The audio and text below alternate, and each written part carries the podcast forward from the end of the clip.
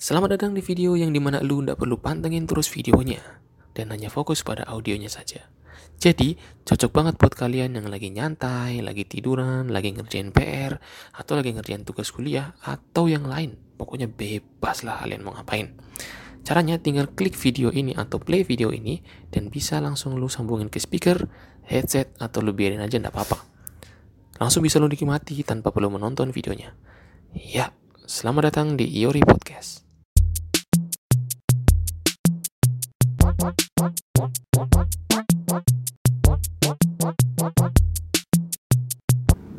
para para bujang dan bujangwati. Wah, sebutan untuk perempuan apa sih? Kalau laki-laki kan bujang. Kalau perempuan itu apa? Bujang bujang bujang men, bujang wati atau apa? Gak tahu pokoknya adalah pokoknya para perempuan dan laki-laki gitu ya. Oke, untuk membuka podcast pada hari ini kita buka dengan kata selamat pagi. Entah selamat pagi, selamat pagi boleh, selamat siang boleh, selamat subuh boleh, selamat malam juga boleh, bebas. Tergantung kalian nontonnya kapan. Nah, untuk pada pembahasan podcast kali ini itu kita akan membahas tentang no life atau orang biasa dengan kenal dengan nama no lab. Ya apa sih no lab itu sebenarnya? No lab itu kalau menurut saya sih karena kebetulan saya ini adalah pelakunya pelaku no life itu sendiri. Jadi bisa diartikan kalau no life itu adalah orang yang nggak mau bergaul sama sekali dengan orang lain. Yang nggak mau keluar rumah. Yang apa ya lebih nyaman kalau sosial media. Kalau lewat sosial media berhubungan atau berkomunikasinya. Sama seperti saya saya ini no life dari sekitar berapa tahun yang lalu ya. Saya nolak itu dari SD mulai SD karena saya mikir ah apa sih kita mau ketemu orang ini ini hidup sudah enak sudah nggak usah jalan-jalan di rumah saya terus. Padahal zaman saya SD dulu belum ada gadget adanya TV doang. Kehidupan saya ya pulang sekolah tiap hari main game main game? Enggak deh kayaknya. Yang enggak main game langsung nonton aja. Karena kebetulan dulu tuh filmnya masih bagus-bagus nih. Nggak kayak sekarang. Uh. dulu masih bagus-bagus filmnya. Apalagi hari minggu tuh enak banget. Nonton dari jam 8 start. Karena kebetulan saya dari timur jadi acaranya mulai dari jam 8 tuh acara-acara kartun. Dari jam 8 sampai sekitar jam-jam 2 jam 12 itu baru mulai santai dan setelah selesai nonton itu biasanya ya tidur. Nggak ada kegiatan lain tidur. Karena malas mau keluar. Jujur saya ini apa ya bilangnya ya mungkin satu-satunya atau gimana ya? Ada lah pokoknya ada. Jadi saya itu orang anak kecil nih bahkan waktu masih kecil nih. Saya dulu waktu kecil itu hampir nggak pernah namanya main di lapangan. Nyaris nggak pernah main. Padahal dulu tiap sore itu biasa yang bocah-bocah lain itu pernah main lapangan main layang main layangan main apa pun lah yang bisa mainin di sana. Cuman saya nggak mau saya males. Karena jujur kalau lihat orang banyak itu kayak pusing pala saya tuh. Kayak apa sih rame-rame nih? Ribut banget. Nggak nggak nggak asik lah pokoknya kalau dengan keramaian gitu. Ke pasar malam juga ke mana pokoknya ke tempat-tempat keramaian itu kayak nggak suka saya gitu. Lebih enak di kamar. Di kamar entah itu mau tidur atau mau ngelamun atau mau HP-an eh dulu kan nggak ada HP ya. Atau mau ngelakuin apa ya. Ya lebih enak kayak gitu daripada bergaul dengan orang banyak. Sampai SMP SMP juga saya masih berkecimpung dengan no life ya. Masih senang dengan no life dan SMP itu juga sudah mulai kenal dengan game karena sudah mulai keluar HP HP HP Java dulu kan yang masih RAM-nya 2 GB eh RAM-nya yang masih internalnya 2 GB RAM-nya masih 512 MB apa ya lupa aku. Masih RAM masih HP HP cupu lah pokoknya itu. HP HP kacang HP kentang. Install ML aja nggak bisa di situ HP Java gitu kan Nah, dari SMP itu karena sudah mulai kenal dengan begituan tuh dengan HP udah tuh malah lebih asik lagi saya. Besok mungkin tiap pulang sekolah tuh nggak mampir-mampir ke rumah nggak mampir ke rumah lain atau ke tempat-tempat tongkrongan yang biasa orang-orang tuh nongkrong ke mana gitu. Saya enggak saya langsung pulang main HP dulu biasa pulang sekolah tuh langsung ngegame. Gamenya tuh kalau nggak salah game apa ya dulu ya? Yang dinner dash kalau nggak salah masih zamannya dinner dash itu. Yang kita kayak, kayak jadi pelayan. Nah game-game kayak gitu tuh asik tuh. Terus seru gue mainnya itu terus tuh. Sampai sudah mulai bosan nih dengan game ini. Langsung kita pindah ke ke mulai buka-buka sosial media. Apa sih kenal-kenal Facebook itu segala macam. Nah begitu kenal Facebook nih ternyata lebih asik. Facebook asik ternyata dulu. Dulu asik banget tuh gitu. Jadi apa ya bisa berkomunikasi dengan orang tanpa melihat orangnya langsung. Itu asik itu seru tuh. Dulu itu masih pakai akun-akun ya ada sih nama-nama asli tercantum tapi adalah kata-kata aneh atau alay itu ya. Yang masih dipakai. Aduh kalau ingat kampret banget memang zaman zaman apa ya? Terus uh, profil-profilnya tuh biasanya masih gaya-gaya metal. Ngeditnya pakai pixart segala segala macam gitu. Wah itu asli itu seru tuh. Soalnya memang gak ketemu orang. Jadi bisa apa ya bisa menyalurkan aspirasi sebagai no life gue asik pokoknya. Sampai semua sudah tertoksik dengan Facebook nih sudah sudah tertoksik semua dengan Facebook baru kembali ke eh bukan kembali baru mulai buka-buka Twitter. Dulu itu buka Twitter itu make apa ya? No longer kalau nggak salah ada webnya lupa aku namanya. Pokoknya bukanya bukan bukan dari www.tri apa twitter.com nggak kayak gitu. Bukannya tapi pakai kayak ada link lagi gitu namanya no longer apa gitu nah lewatnya lewat situ. Mungkin kalian tahu juga. Tapi kalau di Twitter nggak nggak nggak seseru di Facebook sih. Mungkin karena awalnya sudah ketagihan dengan Facebook duluan kan. Jadi pas waktu buka peri, apa waktu buka Twitter itu ya ndak terlalu ngaruh. Nggak terlalu wah gitu loh. Jadi tetap balik lagi ke Facebook. Bisa nge-like nge-like status orang bisa komen-komen. Dulu itu sampai saya temukan pola sendiri kalau di Facebook itu. Ada pola-polanya ternyata di Facebook. Nggak tahu bener apa nggak. Jadi dulu itu kalau kalau mau dapat like yang banyak itu belum dapat like yang banyak itu statusnya harus yang yang galau-galau yang apa bahasa bahasanya bagus. Apa sih bilangnya sih? Yang puitis lah. Yang puitis-puitis gitu kalimat-kalimatnya kalau mau dapat yang komen-komen banyak itu kalau mau komen-komen banyak itu biasanya pakai teka-teki atau mungkin keluhan-keluhan orang atau curhat-curhatan gitu. Itu dapat like-nya banyak apa dapat komennya banyak. Kalau yang kayak apa namanya cantumin-cantumin doa segala macam. Kadang aneh juga nih orang-orangnya berdoa kok di sosial media tuh aduh. Kacau udah ya seperti seperti itulah masa-masa jadi no life tuh. Cuman ya itu. Kalau saya sendiri sih hmm, gimana ya? Lebih senang lewat online sih kalau mau kontakan itu. Mungkin karena jiwa no life ini sudah mendarah daging nih. Atau iya sudah ketagihan bener terus. Begitu ketemu orang aslinya uh uh agak canggung gitu ngomongnya wah terus sampai ke SMA SMA juga us SMA malah lebih parah tuh no life nya tuh parah banget. Jadi SMA kelas 1 itu kan sudah mulai itu sudah mulai keluar-keluar Android itu kebetulan nih sudah dibelikan nih dengan orang tua nih. Kan dulu belum bisa beli sendiri tuh masih SMA kan. Terus waktu kenal-kenal Android pertama install gamenya game-game ya game-game kayak itu Temple Run terus kayak Inotia namanya dulu ya. Inotia apa? Tulisannya Inotia gitu tulisannya nah game-game kayak gitu tuh. Terus masuk ke dunia baru nih. Memang sini dunianya berkaitan dengan berkaitan dengan no life juga.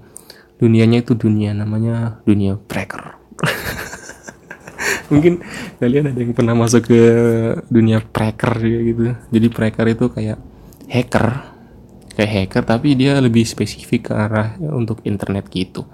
Kalau kayak hacker kan dia bisa menghack misalnya hack hack laptop yang passwordnya terkunci bisa dibuka gitu kan kalau hacker. Kalau preker ya ndak kayak gitu. Preker itu kerjanya kayak nyari nyari book nyari bug bug bug bug apa bug sih ngomongnya? Taunya bug sih tulisannya gitu. Nyari-nyari book gitu nyari-nyari book dari provider atau kartu-kartu gitu. Misalnya kalau di tempat saya kan cuma ada Telkomsel tuh jadi kita cari tuh. Apa nih book dari Telkomsel nih? Misalnya ini ini ini ini udah habis booknya dapat kita operasikan tuh. Operasikan pakai namanya VPN saya umur dulu eh, kelas 1 SMA udah tahu VPN gitu. Dioperasikan pakai VPN segala macam. Dapat lah tuh internet gratis. Jadi internetnya pakai VPN enak tuh itu yang lain ya masih pakai paket-paket data. Yang kalau paketnya habis langsung nggak aktif di sosial media uh. saya nggak pernah saya ada terus paketku tuh. Memang sih harus beli berapa ya dipancing dulu lah misalnya beli 5 MB dulu kayak baru tuh bisa itu. Itu lama itu sampai sekitar seminggu bisa seminggu itu kalau misalnya booknya itu nggak dibagi-bagikan ke orang kan kebetulan saya juga nolef jadi ngapain juga bagi-bagi kayak gitu ke orang kan. Tuh. Jadi bisa tuh pas sampai setahun dua tahun aja masih berkecimpung di dunia kayak begituan. Sampai apa ya sampai lebih seneng sampai lebih seneng itu masuk ke dunia benar-benar dunia yang nggak ada orang nyata di situ lebih enak. Lebih asik kan. Sampai-sampai sudah mulai kelas 2 nih 2 SMA nih. Itu sudah mulai jujur dua kelas 2 SMA tuh malas-malasan banget belajar tuh. Karena risih risih lihat orang rame pagi-pagi tuh jalan-jalan apa berangkat sekolah masuk begitu masuk gerbang waduh orangnya banyak banget kepalaku sakit kayak gitu gitu mikirnya tuh. Parah kan? Anak no life sih. Akhirnya belajarnya lewat internet ya jadi saya dulu belajar lewat internet kebanyakan lewat internet gitu. Mulai dari rumus-rumus segala macam mulai dari latihan-latihan itu lewat internet semua. Umur berapa sih umur kelas 2 SMA tuh? 15 ya? 15 apa 16 ya? Ya pokoknya kelas 2 SMA lupa gua. Bodoh banget. Ya pokoknya. Mulai dari kelas itu udah mulai otodidak mainnya belajarnya. Dan sampai yang saya pelajari bukan cuma itu doang. Bukan cuma mata pelajaran langsung belajar-belajar yang lain tuh. Mulai dari instalasi HP segala macam bikin-bikin apa operasikan Microsoft Word Microsoft Word? Ah enggak bukan. Microsoft Word itu dari SMP udah mulai buka-buka itu.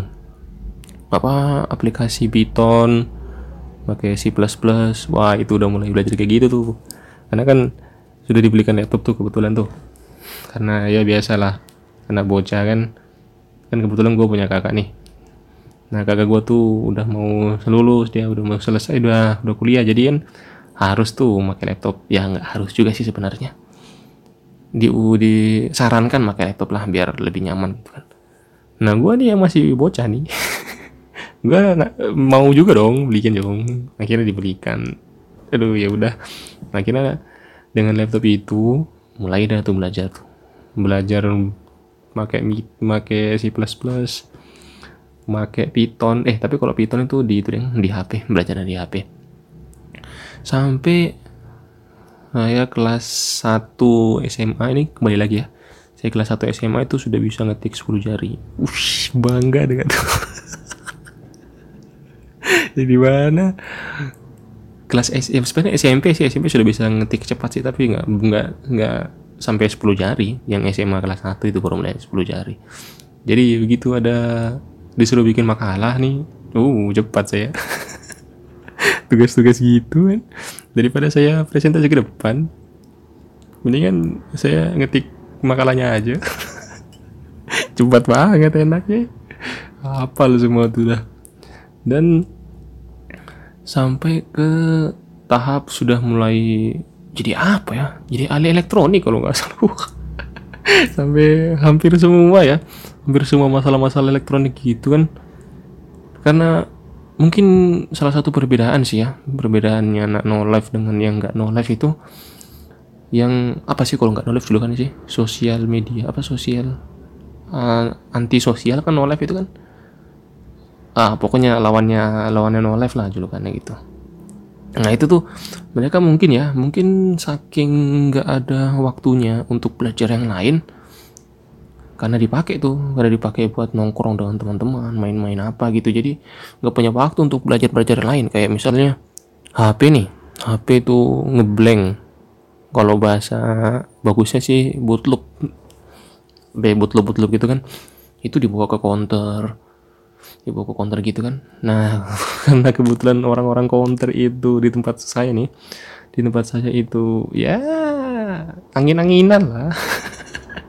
Bagi saya angin bagi saya itu angin-anginan tuh. Mereka minta waktunya satu minggu bayarnya mahal wis. Kalau saya tidak pernah.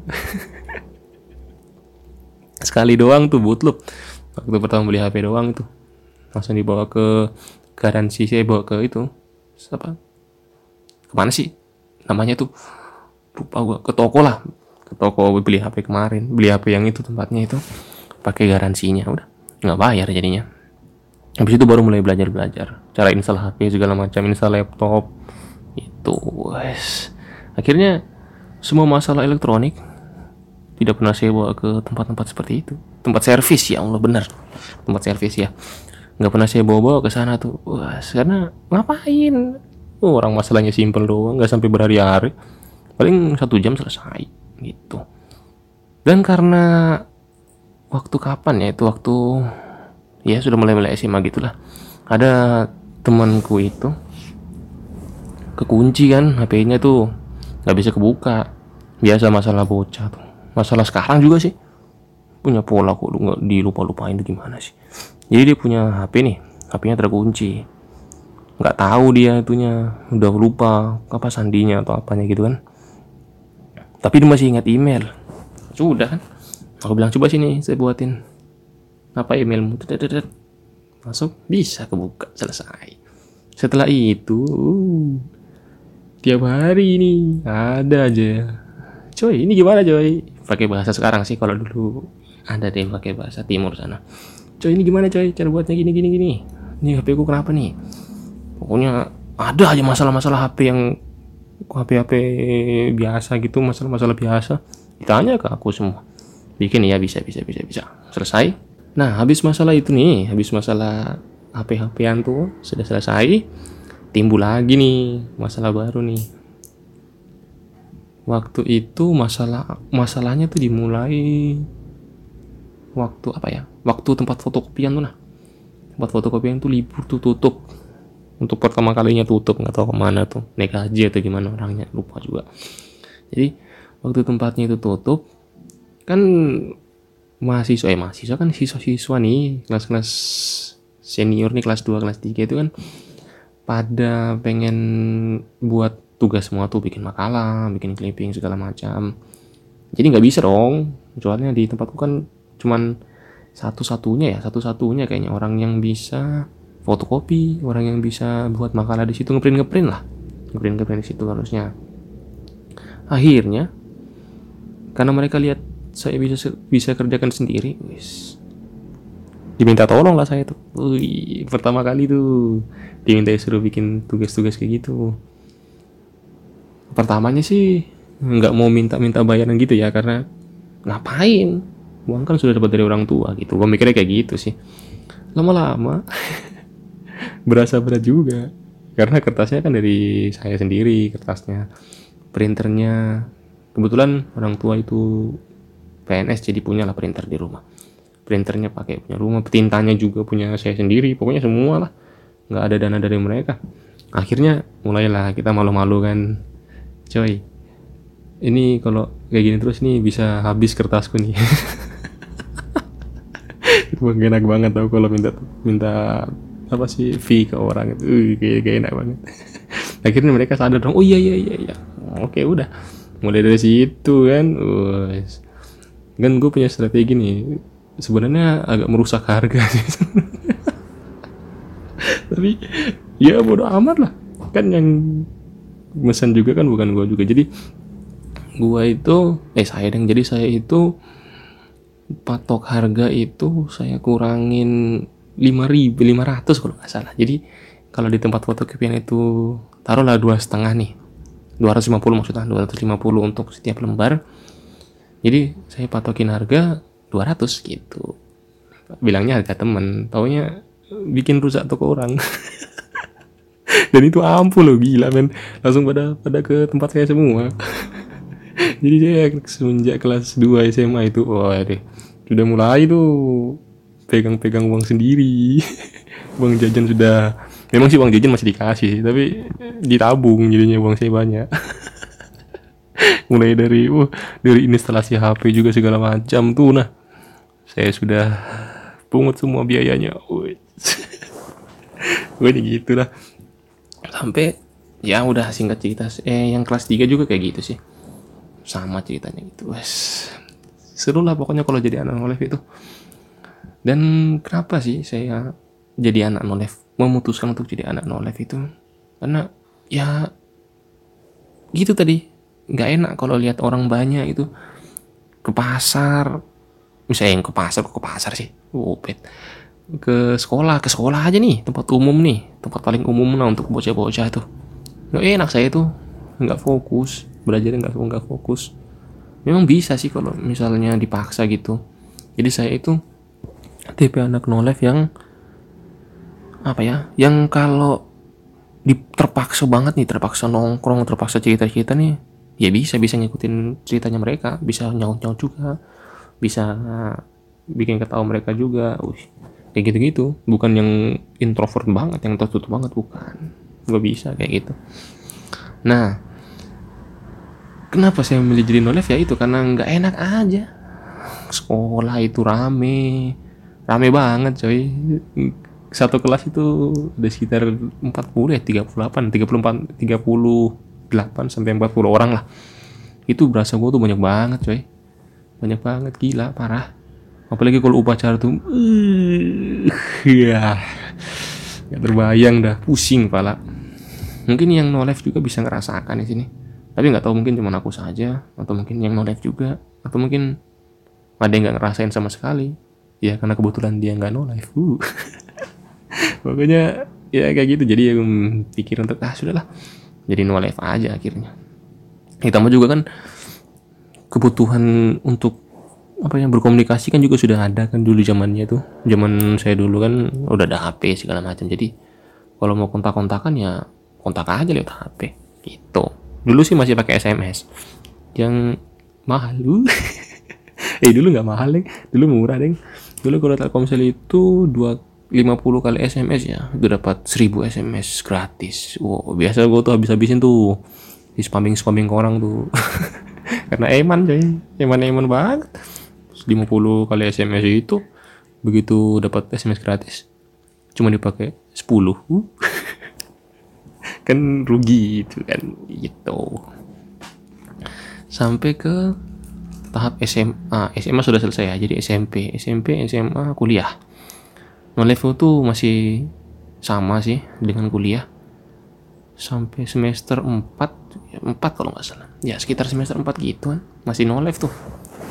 Semester 4 semester 5 semester 6 semester 6 semester 6 nih sudah mulai ke tahap yang lebih keras lagi daripada non jadi jadi sampai semester 6 nih kan karena semester 6 itu ada suatu program yang sangat uh sangat kampret banget. Itu program KKN uh. Program KKN nih dari kampus-kampus biasanya kan aduh pura-pura ninja apa nih lupa hati. Jadi ada program KKN seperti itu kan harus tuh dijalanin tuh. Gua kira bisa dibayar gitu kayak. Ternyata harus ikut ya udah ikut aja. Karena kebetulan programnya itu ada dua. Ada ya sebenarnya ada beberapa jenis program KKN sih. Tapi yang biasa orang tahu tuh cuma dua. Yang program KKN yang reguler dan program KKN yang alternatif gitu. terus karena yang reguler itu satu bulan menginap di kampung orang gitu kan dan yang alternatif itu dua bulan tapi pulang balik nih. Jadi saya memilih untuk yang KKN reguler Kenapa yang alternatif? Karena alternatif itu bolak-balik coy capek saya. Saya capek di jalan. Capek lihat orang sepanjang jalan itu ndak mau saya. Itu. Ditambah lagi pulangnya malam bahaya. Memang sih sepi enak sih untuk no life tapi sepi ndak enak. Apa uh, bahaya kalau malam. Jadi saya ngambil untuk yang KKN reguler di kampung orang udah. Sampai di KKN itu saya menemukan suatu prinsip yang sangat bagus. Prinsip yang sangat-sangat saya idam-idamkan sekarang ini. Baru ketemu loh aduh sayang banget. Harus dari dulu saya ketemu prinsip kayak gini nih. Jadi waktu KKN itu karena sepertinya nih yang no life itu yang no life itu cuma saya no life aja aku bilang ya. Yang no life itu cuma saya nih. Jadi agak berat gitu jalaninya cuy. Sampai waktu ya berapa hari lah berapa hari di kampung orang itu. Karena kebetulan ada acara tuh di kampung tersebut tuh. Mereka bikin-bikin tenda dong warga-warga ya segala macam kan. Bikin-bikin tenda. Kami nih yang kakak ini wush, ada rencana tuh rencana mau bantu. Tapi karena rasa no life itu sudah tidak tertahan karena wih gila coy. Kakak ini tuh capek banget parah men. Untuk orang seperti saya nih ya nggak pernah bergaul dengan manusia yang punya teman-teman lain selain manusia. HP maksudnya. Ya kalau disuruh bersosialisasi bersilaturahmi dengan orang orang asing terutama itu susahnya. Susah sekali. Saya tidak bisa seperti itu. Akhirnya waktu mereka ada rencana untuk apa sih namanya untuk bantu-bantu ini warganya masang-masang tenda gitu aku nyeletuk dong. Keceplosan sebenarnya sih. Karena sudah tidak sana sudah tidak tertahan. Aku bilang eh jangan coy. Capek coy. Udah capek. Aku bilang kayak gitu aja nih. Astaga. Habis itu jadi bahaya tuh. Jadi gawat malah satu kelompok gara-gara omonganku. Wajib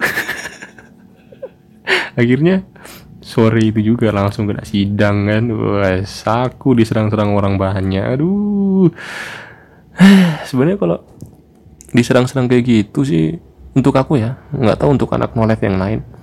Itu masuk ya nggak gitu juga sih. Aku mau bilang masuk telinga kanan keluar telinga kiri tapi nggak juga. Gue terima sih aku terima juga saran-saran mereka masuk masukannya teguran-tegurannya aku terima. Tapi kayak biasa aja gitu. Biasa kalau mereka mau komen ya iya iya ya bener bener gitu aja. Nggak ada emosi tidak ada sedih-sedih gitu nggak ada. Padahal mereka nih jadi satu kelompok kakak ini tuh ada sembilan orang tuh termasuk saya tuh. Nah sembilan sembilannya tuh nyerang tuh nyerang dong karena kayaknya mereka berkomplot untuk menyerang satu orang lemah nih kayak saya. Tapi semua tegurannya saya makan. Makan betul nih saya makan betul. Saya resapi dalam dalam oh iya salah juga ya. Nggak boleh kita ego kayak gini di tempat orang kayak gini kayak gitu kan.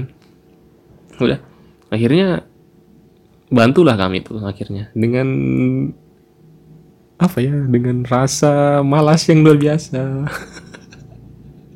Saya akhirnya membantu warga-warganya itu. Sebenarnya nggak bantu sih. Waktu sudah pengen ke sana kan? Waktu sudah selesai debat itu sudah selesai sidang kan ke sana tuh. Nah kebetulan sudah mau selesai. Jadi kami datang membawa nama doang nggak ngapa-ngapain. Akhirnya cuma ngobrol-ngobrol aja dengan warga-warganya. Dengan para pujangga eh pujangga. Dengan para bujang-bujang gitu.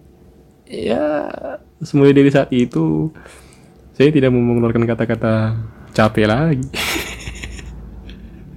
Karena tidak mau ada sidang kedua gitu kan. Ya tapi begitu. Ini sedikit out of topic ya jadi.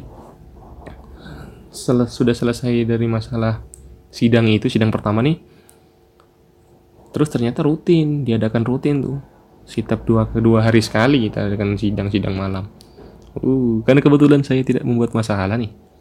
Saya serang balik dong. Dengan kemampuan saya sebagai anak no life, kita sikat mereka. Kita jadikan mereka itu apa ya batu udah mengeras nggak bisa ngomong waktu kita patahin argumen-argumen. Dan it's worth it. Ya sangat-sangat be bekerja ya kata cara-cara kayak gitu ya cara balas dendam kayak gitu. Jadi waktu mereka buat salah bos saya tegur-tegur habis-habisan. Karena yang mereka katakan waktu sidang pertama itu hmm, apa ya? Nggak aku mau bilang nggak dilaksanakan tapi terlalu kasar. Ya ada sih yang lubang-lubang gitu yang yang gak dilaksanakan semua lah bahasa halusnya kayak gitu. Yang mereka katakan waktu sidang pertama itu nggak mereka lakuin semua itu ada sih yang mereka langgar-langgar terus tambah dengan kesalahan-kesalahan yang baru bos. Saya habis kan mereka semua. Karena kebetulan saya kan wah karena sudah dibilang kayak gitu nih. Jadi ya bikin-bikin rajin lah paksa meskipun berat kan. Tetap aja paksa kan tapi bisa ternyata. Dan itu sangat menguras tenaga. Sangat-sangat menguras tenaga. Nah setelah dari masa KKN itu tadi kan saya bilang saya menemukan sebuah prinsip yang sangat-sangat mantap dalam hidup saya yang harusnya saya temukan sebelum-sebelumnya prinsipnya adalah jangan membuang-buang energi yang sia-sia. Yang bagi gue sia-sia itu adalah hampir semua kegiatan di dunia ini hampir semua loh bukan semua cowok hampir semua adalah sia-sia dan membuang-buang energi gitu jadi singkat cerita nih, waktu sudah selesai KKN ini, itu prinsipnya sudah mulai saya tanamkan dong. mulai benar-benar mulai malas loh gila. Jadi saya jadi orang yang no life, no lab gitu kan. Jadi anak no lab dan mageran. saya punya pacar baru namanya Mager. Umurnya masih bocil, masih muda. Jadi suka mager saya sekarang. Sampai mager mau makan mager keluar kamar wis itu paling nikmat dah. Ternyata asik orang mager itu. Mager no life. Uh kombinasi yang top gitu. Kombinasi yang sangat-sangat sempurna sekali gitu kan. Oke. Nah selesailah masalah no life. Dan sampai sekarang saya no life ngomong-ngomong ya.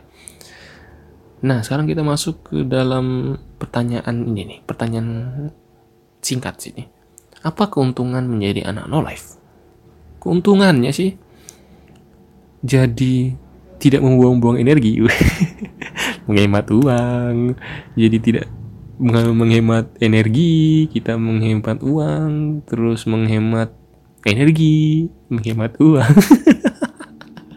enggak enggak ada lagi. Selain dua itu itu menghemat hmm, suara sih lebih enak sih menghemat suara menghemat mata menghemat mata hmm, ya menghemat mata karena capek lihat orang gitu pokoknya menghemat obrolan lah jadi kalau misalnya dipaksa ngomong baru kita ngomong tuh. Dan obrolannya kita simpan simpan deh kalau misalnya nggak ngomong. Ngomong apa coba? Coba gak jelas. Aduh. Ya pokoknya adalah untungnya jadi anak no life itu. Dan ini dan kalau untuk saya sendiri sih saya beruntung jadi anak no life tuh. Dan mageran tentunya. Karena kalau saya nggak jadi anak no life belum tentu saya bisa mengetik 10 jari dia simpelnya itu sih. Karena banyak loh teman-teman saya yang nggak no life tuh. Ngetiknya masih pakai 11 aduh apa tuh anda menghina laptop anda yang ROG ROG ROG tapi ngetiknya pakai 11 jari. Sampah. Ya terus saya bisa lebih fokus sih kalau belajar. Kalau misalnya di internet kan lebih enak gitu kalau misalnya kurang paham di Google masuk YouTube buka tuh apa tuh yang kamu cari ada semua. Santai aja. Meskipun ya ada sih yang harus pakai pengajar gitu. Tapi nggak enak juga kan kita hanya mau tahu pengen tahu dasar-dasarnya aja. Ya misalnya ngedit-ngedit video itu itu belajar aja di YouTube bisa tuh ada semua coy. Di Google tuh ada semua lengkap. Nggak perlu kita ketemu orang kan? Ya, itu keuntungannya kalau untuk kerugiannya sih hmm, yang selama ini saya alami itu kerugiannya itu ada di mana waktu eh ada sorry sorry kebalik bahasanya coba ibu. Ada waktu di mana rasanya tuh sepi banget. Sepi banget. Kayak nggak ada yang apa ya kayak nggak ada yang bisa diajak ngobrol. Sepi banget kayak ya memang sih nggak ada yang diajak ngobrol sih. Tapi benar-benar sepi kesepian banget tuh kalau anak no life sebenarnya. Tapi itu hanya sebentar sih. Seterusnya mereka malah senang. Wis seriang gembira. Ya selain itu sih jadi susah dikenal orang. Karena jujur saya tinggal di kalau di tempat saya sih ngomongnya jalur sih bukan komplek. Di jalur saya itu yang kenal saya tuh dikit. Sebelum saya beraktivitas keluar-keluar sampai SMA itu nah baru dikenal. Eh, tapi kalau kakak saya nih kan dia bukan no life nih. Jadi dia dikenal tuh dikenal banyak orang. Sinyalnya itu kuat tuh. Jaringan-jaringan itu kayak X is kayak XL luas dia. Teman-temannya banyak. Sedangkan saya nih oh, teman-temannya di dunia game teman hayalan anjir. Ya itu sih kekurangannya sih. Kalau ditanya no life itu aduh no life itu enak apa enggak? Ya kalau nanya di anak no life sih mereka jawabnya enak. Kalau nanyanya di anak yang enggak no life mereka jawabnya nggak enak gitu. Tapi kalau diambil tengah-tengahnya nih no life itu hmm, gimana ya sama halnya dengan anak yang nggak no life sih sebenarnya. Cuman kayak berbalik belakang aja. Yang nggak no life itu lebih senang untuk bergaul yang no life itu tidak senang untuk bergaul gitu aja sih. Ada kekurangan ada kelebihannya sih. Gitu. Terus pembahasannya lagi kapan bisa berhenti no life hmm kapan bisa berhenti no life kalau untuk bisa berhenti 100% no life nya itu sih sepertinya agak susah ya. Meskipun sampai nikah ya meskipun sampai tua nanti ya. Apalagi kalau sudah apalagi kalau sudah nikah tuh. Lihatnya cuma itu itu doang orangnya. Jadi nggak apa-apa deh.